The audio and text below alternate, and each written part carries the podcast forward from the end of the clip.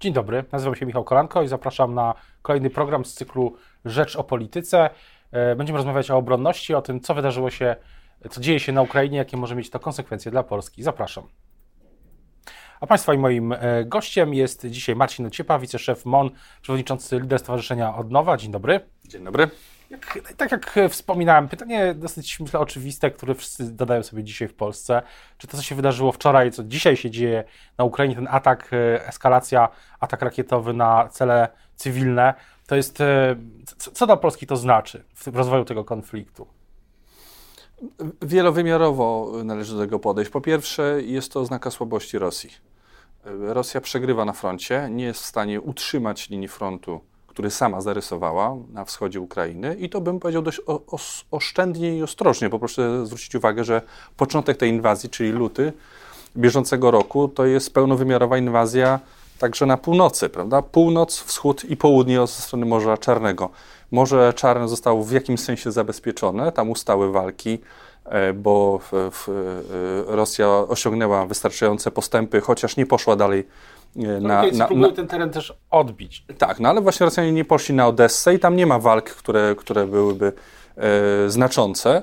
Na północy w ogóle się wycofali, więc został im tylko wschód. I nawet tam nie są w stanie nie tylko osiągnąć postępów, ale w, w gruncie rzeczy utrzymać frontu. E, w związku z tym pojawia się przestrzeń do kontrofensywy ukraińskiej. Ukraińcy z tego korzystają w większym lub mniejszym stopniu.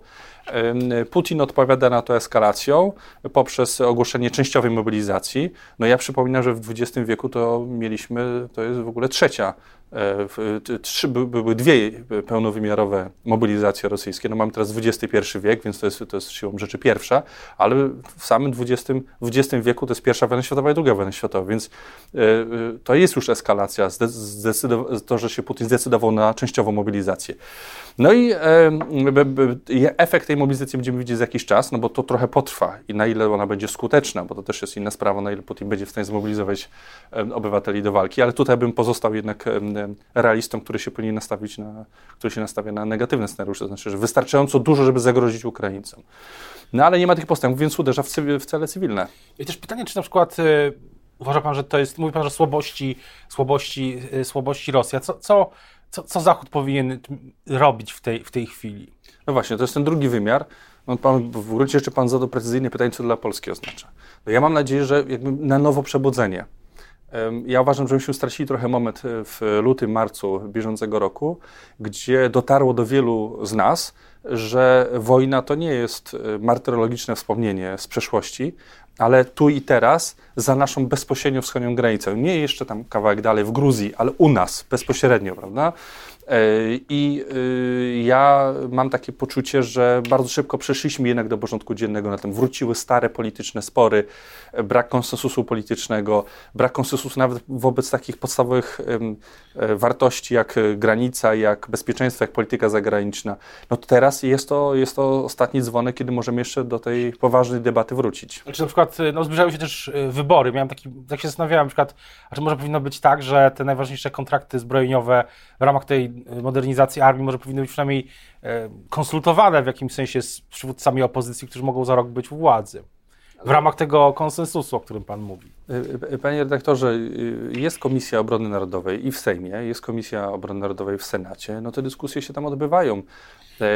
Mamy dyskusję budżetową, więc parlamentarzyści mają pełną możliwość, pełne spektrum E, debaty, z której mogą korzystać i na sali plenarnej, i w komisjach, i w, przy, przy, w komisji, komisji Służb Specjalnych, i w trybie jawnym, i w trybie e, e, zastrzeżonym, tudzież tam kwestia klauzuli, która jest nadana danej komisji. Więc jednym słowem, posłowie mają taką możliwość, jeśli o to, jeśli o to wystąpią. Natomiast no, pamiętajmy, że celem jednak jest wzmocnienie Rzeczpospolitej, wzmocnienie naszego bezpieczeństwa i z pewnymi rzeczami po prostu czekać nie możemy. Czy, czy spodziewałby się Pan, że w obliczu tej eskalacji i tego, że są myślę, że też łatwo zauważyć, że wszystkie przewidywania, że ta wojna się skończy szybko, były takie na początku wojny, że dojdzie do szybkich w miarę rozmów pokojowych, że coś wydarzy się na Kremlu, to wszystko się nie sprawdziło. Są analizy, że, e, że ta, ta wojna potrwa 3-4 lata, że to jest konflikt bardzo długoterminowy. No i pytanie na przykład, czy w tej sytuacji Polska nie powinna domagać się na przykład od Stanów Zjednoczonych przyspieszenia, mm, wzmacniania naszej armii na przykład y, poprzez czołgi Abrams. Pytanie też w ogóle, kiedy one do Polski trafią? Znaczy, to nie jest pytanie czy, tylko, tylko, tylko kiedy. Natomiast my się absolutnie, nie chcę używać zbyt mocnego słowa, domagamy, ale absolutnie tak, we wszystkich naszych kontaktach z partnerami amerykańskimi i nie tylko, apelujemy o przyspieszenie dostaw sprzętu. Więc absolutnie to jest część naszej agendy rozmów polsko-amerykańskich, gdzie prosimy o to, żeby te sloty produkcyjne, te terminy dostaw no maksymalnie skracać, żeby i samoloty F-35, i czołgi Abrams, i wiele innych systemów uzbrojenia e, do Polski trafiło jak najszybciej. Zdaje się, że w tym momencie ten termin, jeśli o czołgi Abrams, to jest 2023 rok. W gruncie rzeczy tak, jeśli chodzi o pierwsze, jeśli chodzi o pierwsze dostawy. Natomiast y, czy to, czy mówimy o HIMARSach, czy o Patriotach, czy o innych systemach uzbrojenia, my potrzebujemy ich tak szybko, jak to jest możliwe, więc absolutnie to jest temat naszych rozmów. A myśli Pan, że będzie jakieś, jakieś nowe, nowe informacje w tej sprawie w najbliższych tygodniach, miesiącach? Sytuacja jest, bardzo, sytuacja jest bardzo dynamiczna i też mówimy o różnych procesach. Ja wiem, że to wszystko się zlewa, ale e, po pierwsze wzmacnianie e, Polski poprzez e, na przykład umiejscowienie no stałej obecności jednak amerykańskiej, czego od lat się domagaliśmy, o co od lat apelowaliśmy, no to udało się rządom Zjednoczonej Prawicy, że mamy ten, to, to dowództwo piątego Korpusu w Armii Stanów Zjednoczonych w Poznaniu. W, w, w dwa tygodnie po rozpoczęciu wojny, proszę zwrócić uwagę, Amerykanie podwoili obecność swoich, swoich wojsk tutaj jako reakcję. I więc jednym słowem mamy do czynienia ze wzmocnieniem Polski doraźnie w, w związku z zagrożeniem, wzmocnieniem Polski na nasze zamówienie komercyjne, jeśli chodzi o systemy uzbrojenia, a także wzmacnianiem naszych sojuszników. Musimy nauczyć się też patrzeć na nasze bezpieczeństwo y, kolektywnie, całościowo, jako na cały teatr. Znaczy wzmacnianie Litwinów, Łotyszy, Estończyków, Rumunów, to jest także Słowaków, to jest także nasze bezpieczeństwo. Także patrzmy, patrzmy na to na, na, mówi, na cały teatr. Skoro mówi Pan o całym całym spektrum tego bezpieczeństwa, to czy to jest, e, czy dobrze się stało, bo to już się wydarzyło, że w tak kluczowej chwili dla polskiego bezpieczeństwa zmienia się szef e, BBN, został nim Jacek e, Siewiera. To jest dobry, dobry moment? Panie redaktorze, no w tym sensie nigdy nie ma dobrego momentu na zmianę, czy to szefa BBN-u, czy jakiegokolwiek tutaj wrażliwej, jakiejkolwiek wrażliwej dla bezpieczeństwa instytucji. Natomiast no, pamiętajmy, że konstytucyjnym organem jest i prezydent Rzeczpospolitej. No i tu mamy ciągłość konstytucyjną, nie ma tutaj żadnych, żadnych powodów do niepokoju. Wracając jeszcze na, na chwilę do samej, do samego przebiegu tego konfliktu, e, a jak opinia publiczna powinna, czy jak opinia publiczna ma odczytywać wszystkie te sygnały, które rząd wysyła w ostatnich e, dniach tygodniach w zasadzie. Z jednej strony jodek potasu, z drugiej strony przegląd schronów, w tym przeciwatomowych. To jest przygotowanie na, e, na potencjalną eskalację jądrową tego konfliktu. Panie rektorze, no bym powiedział tak. No, po pierwsze, my jesteśmy bezpieczni siłą naszej armii, którą nieustannie wzmacniamy od 2015 roku i systemem uzbrojenia i wzrostem liczebności naszych sił zbrojnych z drugiej strony siłą naszych sojuszy międzynarodowych. Więc nie ma powodów, żeby budzić jakiś niepokój w społeczeństwie. Ale z drugiej strony jednak e, trzeba społeczeństwo mobilizować e, wyczulać na pewne, na pewne zagrożenia i obowiązkiem władzy jest bycie przygotowany na każdy scenariusz, nawet ten najgorszy. Bym powiedział przede wszystkim na te najgorsze scenariusze. My w Ministerstwie Obrony Narodowej czy Ministerstwo Spraw Wewnętrznych i Administracji to są resorty, które powinny być przygotowane na najgorsze scenariusze. Scenariusz z użyciem taktycznej broni jądrowej, no przecież jest teoretycznie możliwy jak widzimy szaleństwo w oczach e, i w działaniu Władimira Putina czy Aleksandra Łukaszenki, który na co dzień dzisiaj na przykład nadaje w mediach publicznych Białorusi, że Polska szykuje inwazję na Białoruś, no to widzimy, że ci ludzie są nieobliczalni, więc może, trzeba się także z tym liczyć. Co powinien robić odpowiedzialny rząd? Być na to przygotowanym, także przygotowywanie tego jodku potasu jest jak najbardziej słuszne. Przegląd skronów, no ja mam nadzieję, że on się odbywa przynajmniej od lutego y, decyzją samych, samych samorządowców. Są schrony, które są w władaniu czy w zarządzie e, państwowym, są schrony, które są we władaniu czy zarządzie samorządów. Wszystkie ręce na pokład. Tutaj nie przerzucajmy się tak jak z tym węglem, jak, znaczy to jest żenujące, prawda? Jak, jak niektórzy próbują odsuwać się no, Ale od, zaraz, to, tego wyzwania. To rząd, Wszystkie ręce na pokład. Drugiej strony to rząd, to wicepremier Sasin tydzień temu zaczął tą dyskusję o tym, że to samorządy powinny pomóc. Bo powinny, bo powinny. Znaczy ja nie rozumiem, dlaczego jest sytuacja taka, panie redaktorze, że my się spodziewaliśmy czegoś innego niż y, to, co było oczywiste od momentu wybuchu wojny. Przecież naturalną konsekwencją wybuchu wojny, tą najmniej bolesną i dotkliwą, jest skokowy wzrost inflacji. E, brak surowców, przerwane łańcuchy dostaw, problemy z surowcami energetycznymi, szczególnie jeśli mówimy o Rosji. No to czego my się spodziewaliśmy? Ja mam takie wrażenie, że myśmy w Polsce zaczarowywali rzeczywistość. Ale my to znaczy kto? Wszyscy, cała klasa Czyli polityczna. Ale to, to, jest taka logika polityczna, którą, która jest zupełnie naturalna, prawda, że rząd radzi sobie z, z wyzwaniami, wszystko jest, wszystko jest dobrze, idziemy, idziemy do przodu. Natomiast no, nie ma żadnych wątpliwości, że choć to pierwsze sformułowanie jest prawdziwe, to nie znaczy, że my nie potrzebujemy pomocy, że my nie potrzebujemy pewnej solidarności i między sobą jako ludzie, społeczne, jako społeczeństwo, y, y, solidarności administracji państwowej, bo, bo przecież y, w ramach administracji publicznej mamy dwie administracje, rządową i samorządową. To nie są odrębne administracje. Czyli ze strony rządu zabrakło trochę pokory w, w komunikacji? Nie, ale panie rektorze, już nie, nie, nie, nie mówmy komu zabrakło pokory, na pewno wszystkim nam to, co się dzieje na Ukrainie, powinno na nowo przypomnieć, od, od, czego jest państwo polskie, od czego są instrumenty państwa polskiego. I administracja rządowa, i administracja samorządowa. Mamy służyć obywatelom. Proszę zwrócić uwagę, sytuacja kryzysu, olbrzymi kryzys czy wyzwanie e, o charakterze migracyjnym związane z uchodźcami z Ukrainy, wszystkie ręce na pokład. Nie mieliśmy czasu na spory, na szukanie właśnie e, winnych, na, na to, kto jest bardziej lub mniej pokorny. Wszystkie ręce na pokład i swoją rolę odnaleźli i wojewodowie, i administracja centralna rząd. No pewnym... Spisał się bardzo dobrze i swoją rolę odegrały samorządy, spisały się w zdecydowanej większości bardzo dobrze. Organizacje pozarządowe, społeczeństwo, to jest nasza były siła. pewne tarcia. Tutaj w Warszawie na Mazowszu. Ale to jest naturalne. Ale to były tarcia pośród ludzi, którzy wzięli się za robotę. No, czyli jak ktoś siedział w domu, to nie było tarć, prawda? Ci, którzy wzięli odpowiedzialność w swoje ręce, siłą rzeczy się ścierają, są różne koncepcje, ale to było jednak zderzenie różnych, różnych wizji, natomiast ludzi, którzy wzięli, podwinęli rękawy i wzięli się za robotę. I dzięki temu to tak dobrze zadziałało, dzięki temu dzisiaj Polska jest podziwiana, że zadziałał tak, taki, taki efekt synergii rządu, samorządu, organizacji pozarządowych i społeczeństwa. Wróćmy jeszcze na chwilę, do, wróćmy na, na chwilę do, do, polityki, bo mówi Pan o tym, że e, rozmawialiśmy o tym konsensusie, ale z drugiej strony e, jest tak, że jest pytanie na przykład, czy w tej chwili, gdy na przykład ważna jest pozycja Polski w Unii Europejskiej, to, co, to, co, e, to, co robi rząd w tej, wokół tej tej pozycji jest e, ważne. Czy, czy premier Morawiecki powinien był pojechać do, do Madrytu na ten e, zjazd e, prawicy europejskiej? To jest zarzut ze strony Platformy Obywatelskiej, że to nas osłabia, że że sojusz z eurosceptykami nas osłabia dzisiaj. Ale jakimi eurosceptykami? No, no panie redaktorze, ja już miałem nadzieję, że, że, że, my się pozbyliśmy tych łatek, które jest, nieustannie sobie przyklejamy, a opozycja, która przykleja je, jest mistrzem świata. Co to są eurosceptyki? Widział pan pewnie ten spot Platformy wczoraj. wczoraj.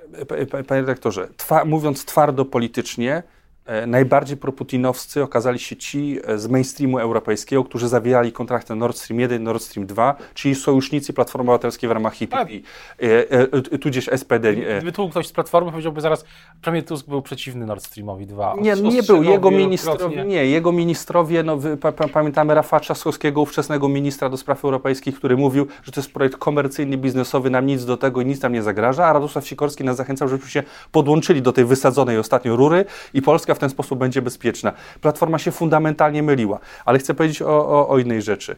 Według wszystkich sondaży Vox prawdopodobnie będzie koalicjantem rządzącym Hiszpanią w przyszłym roku razem z IPP, czyli z, z HDK-ami, e, z, z HDK-ami e, hiszpańskimi. W związku z tym, tak po Włoszech, to jest kolejna dla nas lekcja, że demokracja, lekcja, przepraszam, nie dla nas, tylko dla Platformy Obywatelskiej, że demokracja nie jest wtedy, kiedy wygrywają oni albo ich sojusznicy, tylko wtedy, kiedy wygrywają ugrupowania, które zagłosowała większość obywateli.